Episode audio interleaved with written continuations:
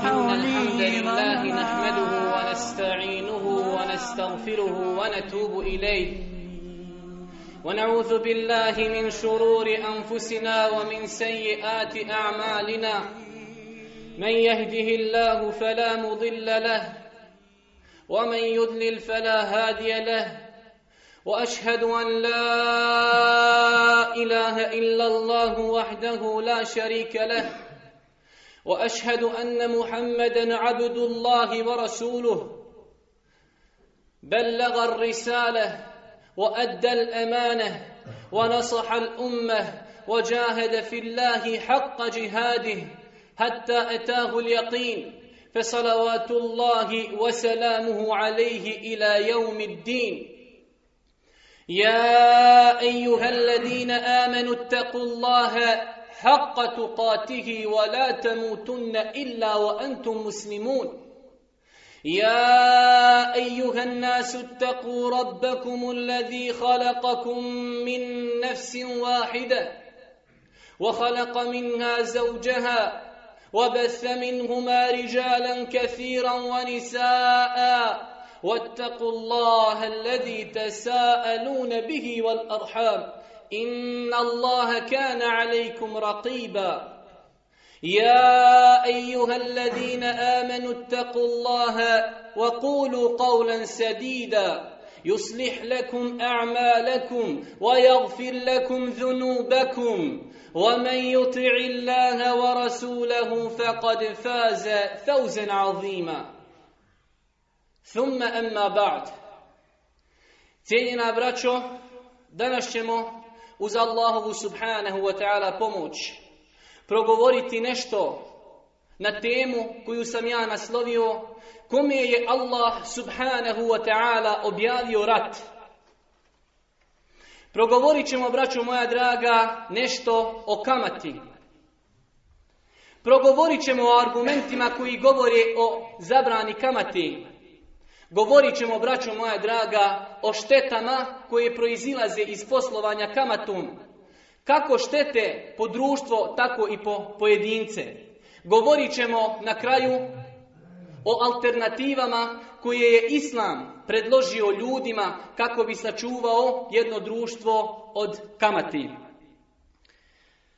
Kada pogledamo oko sebe, braćo moja draga, vidjet ćemo da je ovaj veliki grijeh možda i najveći nakon širka, postao velika svakodnevnica. Postao je svakodnevnica kod velikog broja ljudi koji se deklarišu kao muslimani. Nažalost, muslimanska društva su preplavljena bankama koje se ne stide i ne boje da kažu da posluju sa kamatom. Naći ćemo neka društva koja su jadna kao ovo naše, da imaju takve banke, da ne stide se, niti se boje da kažu da posluju sa kamatom. U nekim drugim društvima naći ćemo banke da ne žele da kažu da posluju sa kamatom, nazivajući je drugim imenima, zamotavajući kamatu u celofan i tako je serviraju neukom muslimanskom narodu kojem fali najviše šerijatskog znanja I oni to prihvataju zdravo za gotovom. A braćo moja draga, treba da znamo da šerijet ne gleda u celofan niti u ime, već gleda u načela i principe nekog poslovanja. Pogledajte samo savršenstvo Allahove subhanahu wa ta'ala vjere. Vjere koja je derogirala sve prijašnje vjere. Kako? Mnogo pažnje posvećuje među ljudskim odnosima. Islam nije vjera koja pazi samo na čovjekovu vezu između njega i njegovog gospodara Allaha subhanahu wa ta'ala. Već je Islam vjera koja je toliko potpuna i savršena da mnogo pažnje posvećuje međuljudskim odnosima. Na tom putu Islam podstiče na činjenje mnogih dobrih dijela kako bi se temelji jednog društva učvrstili. A s druge strane vidjet ćemo da Islam zabranjuje mnogo dijela kako bi se opet temelji jednog društva učvrstili. Mnogo je dokaza za to. Pogledajmo samo kako Islam naređuje da čuvamo svoju rodbinu, rodbinske veze. Da pazimo na komšiluk, da naređujemo na dobro, odvraćamo od zla. Da udjeljujemo sadaku, miskinima, siromasima. Zašto je zekijat propisan? Braćo moja draga, kako bi se muslimani potpomagali, kako bi osjetili harmoniju i sklad društvenog života. Pogledajte s druge strane koliko stvari islam zabranjuje kako bi se stvorila harmonija u jednom društvu. Zabranjuje gibet, nemimet, potvaru, krađu, ubistvo, korupciju, mito. Sve to islam zabranjuje, braćo moja draga, kako bi mi lijepo na Dunjaluku živjeli. Ljudi su ostavili načela Allahove vjere, zato žive ovakvim jadnim životom kakvim vidite. Vidite. Mora da znamo, braću moja draga, jedna stvar koju je Islam strogo zabranio. Čak tako strogo zabranio da ni jedan grijeh nakon širka nije tako strogo zabranio je kamata želijeći time da ojača temelje jednog društva. To sve, braću moja draga, zasigurno zbog negativnih posljedica koje proizilaze iz poslovanja kamatom, kako po društvo, tako i po pojedinca. Društvo u kojem se posluje sa kamatom, znajte, braću moja draga, da je to društvo koje je zasnovano na mržnji i preziru. Ljudi koji drugima daju novac sa kamatom, najbolje čime se mogu uporediti jeste komarac. Oni ljudima piju krv. Ljudi umiru Društva čitava umiru, države, narodi umiru od gladi, ali oni u svome srcu nemaju trun insanstva, niti solidarnosti, niti islama, niti rahmeta.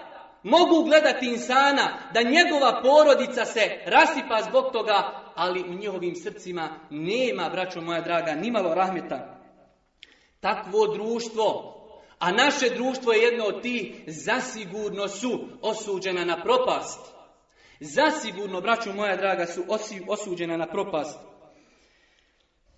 A povrt toga, njihovo duhovno stanje je loše i nakon toga postaju lahak plijen za vanjske neprijatelje. Napravimo samo jednu kraću retrospektivu. Pogledajmo, braćo moja draga, kroz historiju kako su prijašnje vjere, prijašnji narodi, prijašnji šerijati gledali na kamatu. Stari Rimljani, stari Grci, Svi su smatrali kamatu zabranjenu i znali su da društvo koje počne poslovati s kamatom da će se srušiti. Pogledajmo u ljude među kojima je se pojavio Boži poslanik sallallahu alaihi wasallam Kurejšije. U to vrijeme su radili s kamatom i mnogo su radili, ali su znali da je to prljav i metak. Kada su obnavljali kavu, donijeli su jednoglasnu rezoluciju da i metak stečen kamatom, prostitucijom i nasilno oduzet da se od njega ne može graditi kjaba. Zašto? Zato što su znali da je to prljav i metak. Pogledajmo u šerijat Musa'a, alihi salatu wasalam, po kojem bi trebali raditi ko? Židovi, jevreji, danas najveći poslodavci sa kamatom, pogledajte, u njihovom šerijatu je kamata zabranjena. O tome nam govori Kur'an, o tome nam govori Teurat. Kaže Allah subhanahu wa ta'ala u Kur'anu فَبِظُلْمٍ مِّنَ الَّذِينَ هَادُوا هَرَّمْنَا عَلَيْهِمْ طَيِّبَاتٍ أُحِلَّتْ لَهُمْ وَبِصَدِّهِمْ عَن سَبِيلِ اللَّهِ كَثِيرًا وَأَخْذِهِمُ الرِّبَا وَقَدْ نُهُوا عَنْهُ Kaže Allah subhanahu wa ta'ala I zbog teškog nasilja jevreja mi smo im neka lijepa jela zabranili i zato što su mnoge od Allahovog puta odvraćali i zato što su uzimali kamatu, a bila im je zabranjena. Kur'an nam govori o tome da je židovima kamata zabranjena. Pogledamo li u Teurat koji je danas i te kako pretrpio mnoga iskrivljenja, naći ćemo u njemu da se govori da je kamata zabranjena. Pogledamo li u kršćanske knjige, naći ćemo u njihovim izvorima da je kamata zabranjena. 325. godine, kada je održan prvi kongres kršćanskih učenjaka, donijeli su jednoglasan stav da poslovanje kamatom po kršćanskoj vjeri nije dozvoljeno. Sve je tako trajalo do 1545. godine kada je prvi put u Britaniji izglasan zakon da se može poslovati sa kamatom maksimalnom od 10%. I na kraju, braćo moja draga, dolazimo Dolazimo do Islama, najsavršenije vjere, jedine priznate kod Allaha subhanahu wa ta'ala. Pogledajte kako Islam zabranjuje kamatu. Na način kako nije zabranio ni jedan drugi grijeh. Na način kako nije zabranio ni jedan drugi grijeh. Mnogo je argumenata koji ukazuju da je kamata zabranjena bez razlike u malom procentu ili velikom. Bez razlike da li plaćao ili uzimao. Bez razlike da li plaćao ili uzimao. Pogledajte, vraću moja draga, zamislite malo na sudnjem danu ljudi će biti proživljavani. Neko od ljudi će biti proživljen tako što će iz njegovih rana teći krv. Krv, boja krvi, ali miri smiska, to su šehidi koji su svoj život dali za Allahovu vjeru. Drugi opet će biti proživljeni izgovarajući telbiju. Lebejk, Allahume, lebejk, odazivam ti se gospodaru. Zašto? Zato što su preselili na hađu. A neki će biti proživljeni kao onaj koga je šeitan dodirom izbezumio. Jeste li ikada vidjeli osobu u koju je ušao šeitan? Kako se ponaša? E tako će biti neke osobe proživljene na sudnjem danu. Ko su? To su oni koji su baratali sa kamatom na dunjaluku. الذين يأكلون الربا لا يقومون إلا كما يقوم الذي يتخبطه الشيطان من المس ذلك بأنهم قالوا إنما البيع مثل الربا وأحل الله البيع وحرم الربا كاجي الله سبحانه وتعالى Oni koji su poslovali sa kamatom, ustači, bit će proživljeni na sudnjem danu kao onaj koga je šeitan dodirom izbezumio. Zato što su govorili, trgovina je isto i kamata. Pa Allah odgovara na taj njihov govor, a Allah je dozvolio trgovinu, a zabranio kamatu. Allah je dozvolio trgovinu, a zabranio kamatu. Također, kaže Allah subhanahu wa ta'ala ja ejuha alladhina amanu taku Allah wa dharu ma baqiya min riba in kuntum mu'minin poslušajte ovaj ajet O vjernici, koga doziva Allah u ovom ajetu, ne doziva nevjernike. O vjernici, kako započinje ajet, bojte se Allaha, priprema vjernike, da budu spremni da prihvate propis koji će doći. Ostavite se kamate.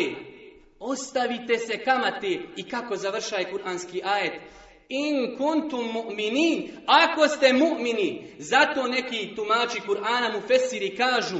Ne može se u srcu jednog insana, muslimana, sastati iskren i potpun iman i poslovanje s kamatom. Jer Allah kaže, in kuntum mu'mini, ako ste mu'mini, ostavite kamatu. Ako niste, odgovarat ćete za tu. Također, kaže Allah subhanahu wa ta'ala, Ja, ejuhel ladina amenu, la ta'kulu riba, adra'athan muda'athe, wattaku Allah, wattaku Allah, la'allakum tuflihun. O vjernici, nemojte jesti kamatu. Allah Đelešanuhu nam govori nemojte jesti kamatu i bojte se Allaha da biste uspjeli. Kako Allah Đelešanuhu nakon ovih ajeta kaže bojte se vatre وَتَفُ نَارَ لَتِ اُعِدَّتْ لِلْكَافِرِينَ Bojte se vatre koja je pripremljena za nevjernike. Poslovanje s kamatom je osobina nevjernika i oni će biti u vatri Zato Allah straši vjernike sa vatrom, braćo moja draga. Ovi ajeti, samo da je došao jedan, bilo bi dovoljno da vjernik svati da je mu'min, da je kamata zabranjena. A braćo moja draga, pogledajte sljedeći ajet. Pogledajte sljedeći ajet.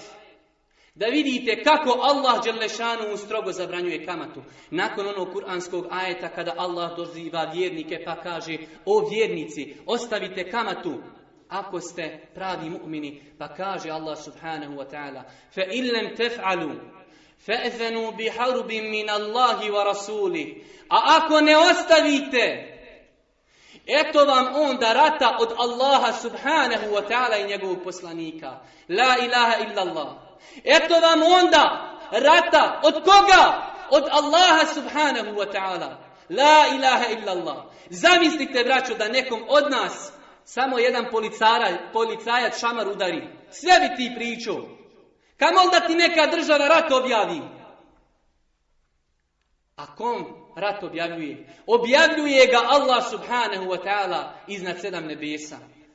Objavljuje ti rat onaj koji je stvojio zemlju i nebesa. Kada hoće nešto samo kaže budi i ono budi. Zaista su hrabri zaista su hrabri svi oni koji posluju sa kamatom. Zaista su hrabri jer su se upustili s kime u rat. Upustili su se u rat sa uzvišenim Allahom subhanahu wa ta'ala. Poslušajte, braćo moja draga, nekoliko hadisa. Iako je ovo sve dovoljno, iako je ovo mu'minu dovoljno, ali braćo moja draga, ja ne sumljam Inša Allah, da mi ovdje ne poslujemo sa tim, ali da bi se naša srca smirila, da bi se naša srca smirila i da nikad ne pomislimo ni usnu, a kamoli na javi da počnemo baratati s kamatom. Kaže Allahu poslanik sallallahu alaihi wa sallame u hadisu kojeg je zabilježio imam Ahmed, a njegov vjerodostojnost je potvrdio ših Albani, rahmetullahi alaihi. Dirhamu riba ja'kuluhu ređul, wa huwa ja'lamu ašaddu min sittatin wa thalathine zinje. Da čovjek pojede jedan dirhem kamate, a zna da je kamata, gore je nego da počine 36 zinaluka i prostitucije. Svi mi znamo kako je prostitucija žestoko zabranjena u islamu, a jedan dirhem, jedan srebrenjak kamate je gori od 36 puta da čovjek počini nemoral. Hadis u Buhari i Muslimu od Ebu Hureyri radijallahu ta'ala mu kaže Boži poslanik Ijtanibu seb'a mubiqat. Ostavite sedam grijeha koji će uništiti njihove počinioce. Ostavite sedam grijeha koji će počiniti, koji će slomiti njihove počinioce, uništiti ih. I jedan od tih grijeha je, braću moja draga, kamata. Poslušajte hadis koji je zabilježio ima muslim od džabira radijallahu ta'ala. Hadis koji je veliki dokaz da je neispravno ubjeđenje velikog broja muslimana da kamatu ne smiješ uzimati, ali je smiješ davati. Nažalost, to je neispravno ubjeđenje. Od Džabira radijallahu ta'ala mu se prenosi da je rekao Le'ana Rasulullahi sallallahu alaihi wasallame akila riba, wa mukilahu, wa šahidejhi, wa katibahu. Kaže Džabir radijallahu ta'ala anhu, Boži poslanik je prokleo ono ko jede kamatu, ono ko je daje, ono ko plaća, ono ko svjedoči i ono ko je zapisuje. Četiri vrste osoba, svi su prokleti. Ko uzima, ko daje, ko svjedoči i ko zapisuje. U jednom rivajetu stoji, a svi su u grijehu isti. Braćo moja draga, poslušajte ovaj hadis i sa njim ćemo završiti argumente koji ukazuju na zabranu kamate. Kaže Boži poslanik sallallahu alaihi wa sallame, ad riba felathu wa sab'une baba, ej seruha mithlu an jankiha rađulu ummehu. Hadis koji je vjerodostojan od Božijeg poslanika sallallahu alaihi wa sallame, kamata ima 73 poglavlja. Najniže, nije najviše, najniže je kao da neko od vas spolno ovči sa svojom majkom. Allahu ekber. Jesam li vam kazao, je li ima gdje da ga Allah subhanahu wa ta'ala i njegov poslanik zabranjuju kao što zabranjuju kamatu? Ej seruha, najlakši vid kamate je kao da čovjek spolno opći sa svojom majkom. Braćo moja draga, ne radi se o dirhemu, milioni kamate danas postoje. Braćo moja draga, ovi argumenti zasigurno nedvosmisleno ukazuju da je kamata ovim šerijatom strogo zabranjena. A pogledajte ljude oko nas. Ljude koji se deklarišu kao muslimani. Koliko posluju sa kamatom? Koliko posluju sa kamatom? Zašto? Da bi stekao nešto od dunjaluka. Da bi stekao nešto od dunjaluka i po njihovim izgovorima da bi svojoj djeci priredio bolju budućnost. Wallahi su hrabri izlažu se takvim opasnim prijetnjama da bi svojoj djeci bolju budućnost priredili. Nema smetnje da svome djetu pokušaš zaraditi nešto, ali na halal način. Braćo moja draga, ne zaboravite da je vatra džehennema 70 puta jača od vatre dunjalučke. Kao što je došlo kod imama Tirmidije u vjerodostojnom hadisu, da je kazao Allahu poslanik sallallahu alaihi wasallame, vatra koju vidite na dunjalu koje je samo 70. dio vatre džehennemske. Wallahi, thumme wallahi, ova dunjalučka bi vatra bila dovoljna da nas kažnjava Allah njume, a vatra džehennema je 70 puta gora. Kako očekivati Kako očekivati, braćo moja draga, napredak? Kako očekivati prosperitet u društvu u kojem većina ljudi je prokleta na jeziku Allahovog poslanika? Kako očekivati prosperitet u društvu? Većina ljudi tog društva ratuje sa uzvišenim Allahom. Braćo moja draga, kako očekivati prosperitet u takvom društvu? Pogledajte primjer onoga u koga bi se mi trebali ugledati. Mi to samo kažemo na jeziku, a pogledajte razlike u dijelima. Zašto su prve generacije u periodu koji za historiju ne predstavlja ništa, srušili dvije najveće sile tog vremena? Zašto? Zato što su se bojali uzvišenog Allaha subhanahu wa ta'ala. Boži poslanik sallallahu alaihi wa sallame, kao što je zabilježeno u Buhariji od Ebu Hureyri radijallahu ta'ala anhu, kaže, ja nekada dođem kući, pa nađem na svome krevetu jednu datulu. Jednu datulu! Pa je podignem da je pojedem, pa se prisjetim možda je sadaka. Božijem poslaniku nije bilo dozvoljeno da jede sadaku, pa je bacim. Braćo moja draga, to je naš učitelj, najbolji učitelj koji je podučio čovječanstvo, edebu, moralu, ahlaku. On je bacao samo jednu datulu, ne želijeći da pojede nešto što nije dozvoljeno. Iako mu je bilo dozvoljeno iz njegove kuće da pojedi. Pogledajte najboljih učenika od najboljeg učitelja. Ebu Bekr radijallahu ta'ala anhu, kao što je zabilježio ima Buharija od Aisha radijallahu ta'ala anhu. Kaže Aisha, Ebu Bekr je imao jednog dječaka kojim, koji mu je zarađivao. Svaki dan je išao na dnevnicu, pa jednog dana je došao sa novcem, kupio je hranu Ebu Bekru. Pa kada je Ebu Bekr pojeo tu hranu, kaže taj dječak, znaš li od čega sam ti danas kupio hranu? Kaže, ne znam, kaži, u džahilijetu sam gatao nekim ljudima, nisam znao gatati, ali sam i varao pa su mi danas platili pa sam ti ja kupio hranu za to. Pa je Ebu Bekr, učenik najboljeg učitelja, stavio svoju ruku u usta i povratio sve što je imao. Kažu ashabi, zašto se mučiš? Nisi ti kriv. Kaže, vallahi, da nije izašla hrana, osim sa dušom, izašla bi sa dušom. Neću da u mom stomaku i u mojoj utrovi bude išta što je sumljivo. A gdje smo mi, braćo moja draga? Mi ne ostavljamo stvari koje su po konsenzusu islamskih učenjaka haram. A oni su ostavljali ono što je sumljivo. Zato su oni postigli, a mi smo dostigli. Oni su postigli da su bili vodiči svijeta u svakom pogledu. A mi smo dostigli da smo postali najponiženiji narod na zemaljskoj kugli. Mnogi misle, braću moja draga, da će poslujući sa kamatom zaraditi više. Možda prividno i hoće. Ali znajte, znajte, braću moja draga, da je obećanje Allaha iznad sedam nebesa da će taj imetak uništiti. Kada on obeća, on svoje obećanje nikada nije pronevjerio. Jenhaku Allahu diba wa yurbi sadatat. Allah uništa je kamatu a uzdiže, uzdiže sadaku i milostinju. Braćo moja draga, poslovanje kamatom ima mnoge društvene štete, kako po društvo, tako i po pojedinca, tako i po ekonomiju. Pogledajte samo jednu društvenu štetu, koja može koštati sve nas ovdje. Nemoj misliti, brate, muslimanu, ako nisi od onih koji posluju kamatom, da će te kazna zaobići. وَتَّقُوا يَوْمًا Bojte se Allaha kada dođe kazna. Kada dođe kazna, neće kazna izabirati bolje i lošije.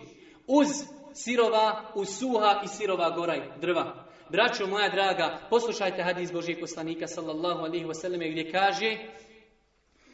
Ma zahara fil qawmi ezzina wa džiba illa ehallu ala enfusihim iqab Allah. Neće se pojaviti u jednom društvu prostitucija, niti kamata, a da ti ljudi nisu na taj način otvorili vrata Allahovoj kazni. Braćo moja draga, zamislite koliko su širom vrata otvorena Bosne prema kazni Allaha subhanahu wa ta'ala. Zato znajte, ako dođe kazna, da neće izabirati one koji su bili dobri. Također, poslovanje kamatom ima mnoge ekonomske štete i to govori govori ekonomisti zapada, normalno to govori i učenjaci islama. Pa ćemo naći da poslovanje kamatom obstruira i sprečava korisne projekte. Zašto? Zato što ljudi više voli da dobiva sigurno kamatu nego da ulaže pa da rizikuje. Također, poslovanje kamatom je razlog poskupljenja artikala. Zašto? Zato kada čovjek uzme kamatu, kada uzme dug, da bi vratio taj dug i tu kamatu, mora povećati cijenu artikla kako bi to vratio. Također, poslovanje kamatom je razlog nezaposlenosti. Ljudi ne žele da ulažu i metak u korisne projekte, već daju samo u pozajmicu. Pošto je, braćo moja draga, u današnjem vremenu najviše rašireno da ljudi uzimaju kamatne kredite, progovorit ćemo u nekoliko minuta kako Islam gleda na davanje kredita i time ćemo, ako Bog da, završiti ovu našu hudbu. Braćo moja draga, Islam vjera potpuna nije zapostavila taj segment ljudskog života da čovjek može biti u potrebi da mu treba pozajmica. Zato ćemo vidjeti da u knjigama Fikha postoje kompletna poglavlja koja govori kako čovjek da uzme dug, kako da ga vrati i propisi koji se vežu za to. Možemo samo kazati u nekoliko rečenica da je islam vjera koja podstiči nadavanje dugova normalno bez kreditnih.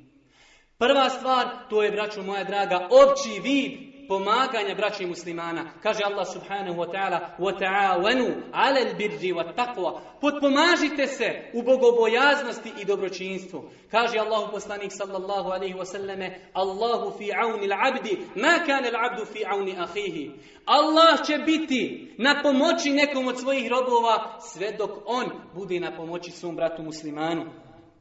Također, Znači možemo pozajmicu da gledamo s aspekta da je to opće potpomaganje, ali naćemo hadise vjerodostojne koji postiču na davanje zajma ili pozajmice. U hadisu koji ga zabilježio Ibnu Mađe, od Ibn Mesuda radijallahu ta'ala anhu sa vjerodostojnim lancem prenosilaca da je Boži poslanik sallallahu alaihi wa sallam kazao ma min muslimin yuqridu muslimen marratejni illa kane ke sadaqatin marraten nema niti jednog muslimana da nekom bratu dadne dva puta zajam a da mu se neće upisati kao jedna sadaka Pogledajte, draću moja draga, kako Islam podstiče na davanje dugova. Također, Islam nas uči, kada nam je neko dužan, ako ne može da vrati, da mu odgodimo bez kamate, braću moja draga. Da mu odgodimo bez kamate. Kaže Allah subhanahu wa ta'ala, وَإِنْ كَانَ ذُوْ عُسْرَةٍ فَنَذِرَةٌ إِلَا مَيْسَرَ A ako je u nebolji, onda pričekajte do čovjek bude imao. I ona zadnja stvar, Ona koja boli sve nas, a to je Islam je regulisao i onim ljudima koji uzimaju, ka, koji uzimaju dug, pozajnicu, kako da se ponašaju. Nažalost, mi smo svjedoci u ovim vremenima da ljudi uzimaju pozajnicu, pa onda odugovlače iz neopravdanih razloga. Treba da znamo, braćo moja draga, da oni koji to čine, da su to nasilnici i zulumčari. Kaže Allahu poslanik sallallahu alaihi wasallame, maklul ganiji zulm, hadisu Buhari i Muslimu, gdje stoji odugovlačenje one osobe koja ima da vrati, a ne želi da vrati, je zulum. Boži poslanik sallallahu alaihi wasallame je to nazvao zulmom kako neko ne bi iskoristio nečiju dobrotu. Nažalost, mi živimo u vremenu kada velik broj ljudi iskorištava nečiju dobrotu. Poznato je da Allahu poslanik, sallallahu alaihi wasallame, kada bi neko preselio od ashaba, pitao bi je li ostavio dug iza sebe. Ako kažu jest, pitao je ima li imetka da se vrati. Ako ne bi imao imetka, ne bi mu klanjao džennazu. Ne bi mu klanjao dženazu zato što je uzurpirao tuđe pravo. I na kraju, braću moja draga, treba da znamo, iako je kamata jedan od najvećih grijeha, treba da znamo da su vrata pokajanja kod Allaha subhanahu wa ta'ala 24, 24 sata otvorena. Ne smije čovjek da gubi nadu Allahu subhanahu wa ta'ala milost. Rođenoj majici ne možeš otići u svako doba dana njenoj kući, nekad ćeš je naći za, da je zauzeta, a nekada nije. A Allah subhanahu wa ta'ala 24 sata prima pokajanje svojih robova. Koliko god je veli grije, Allah prima pokajanje svojih robova. Zato, braćo moja draga, pokajmo se Allahu subhanahu wa ta'ala za grijehe koji sigurno imamo mnogo. Kaže Allah subhanahu wa ta'ala وَتُوبُوا إِلَى اللَّهِ جَمِيعًا Pokajte se Allahu svi, ejuhel mu'minun, o vjernici, ne kaže o fasici, o griješnici, o mu'mini, svi se pokajte Allahu subhanahu wa ta'ala. Gubljenje nade u Allahu subhanahu wa ta'ala, milost je veliki grijeh. Kaže Allah subhanahu wa ta'ala, La taqnatu min rauhillah, innahu la yaqnatu min rauhillahi, illa l'qavmu l'kafirun. Nemojte gubiti nadu u Allahu milost, jer oni koji gube u nadu, nadu Allahu milost, to je nevjernički narod. Molimo Allaha subhanahu wa ta'ala da nas učvrsti u ovim teškim vremenima.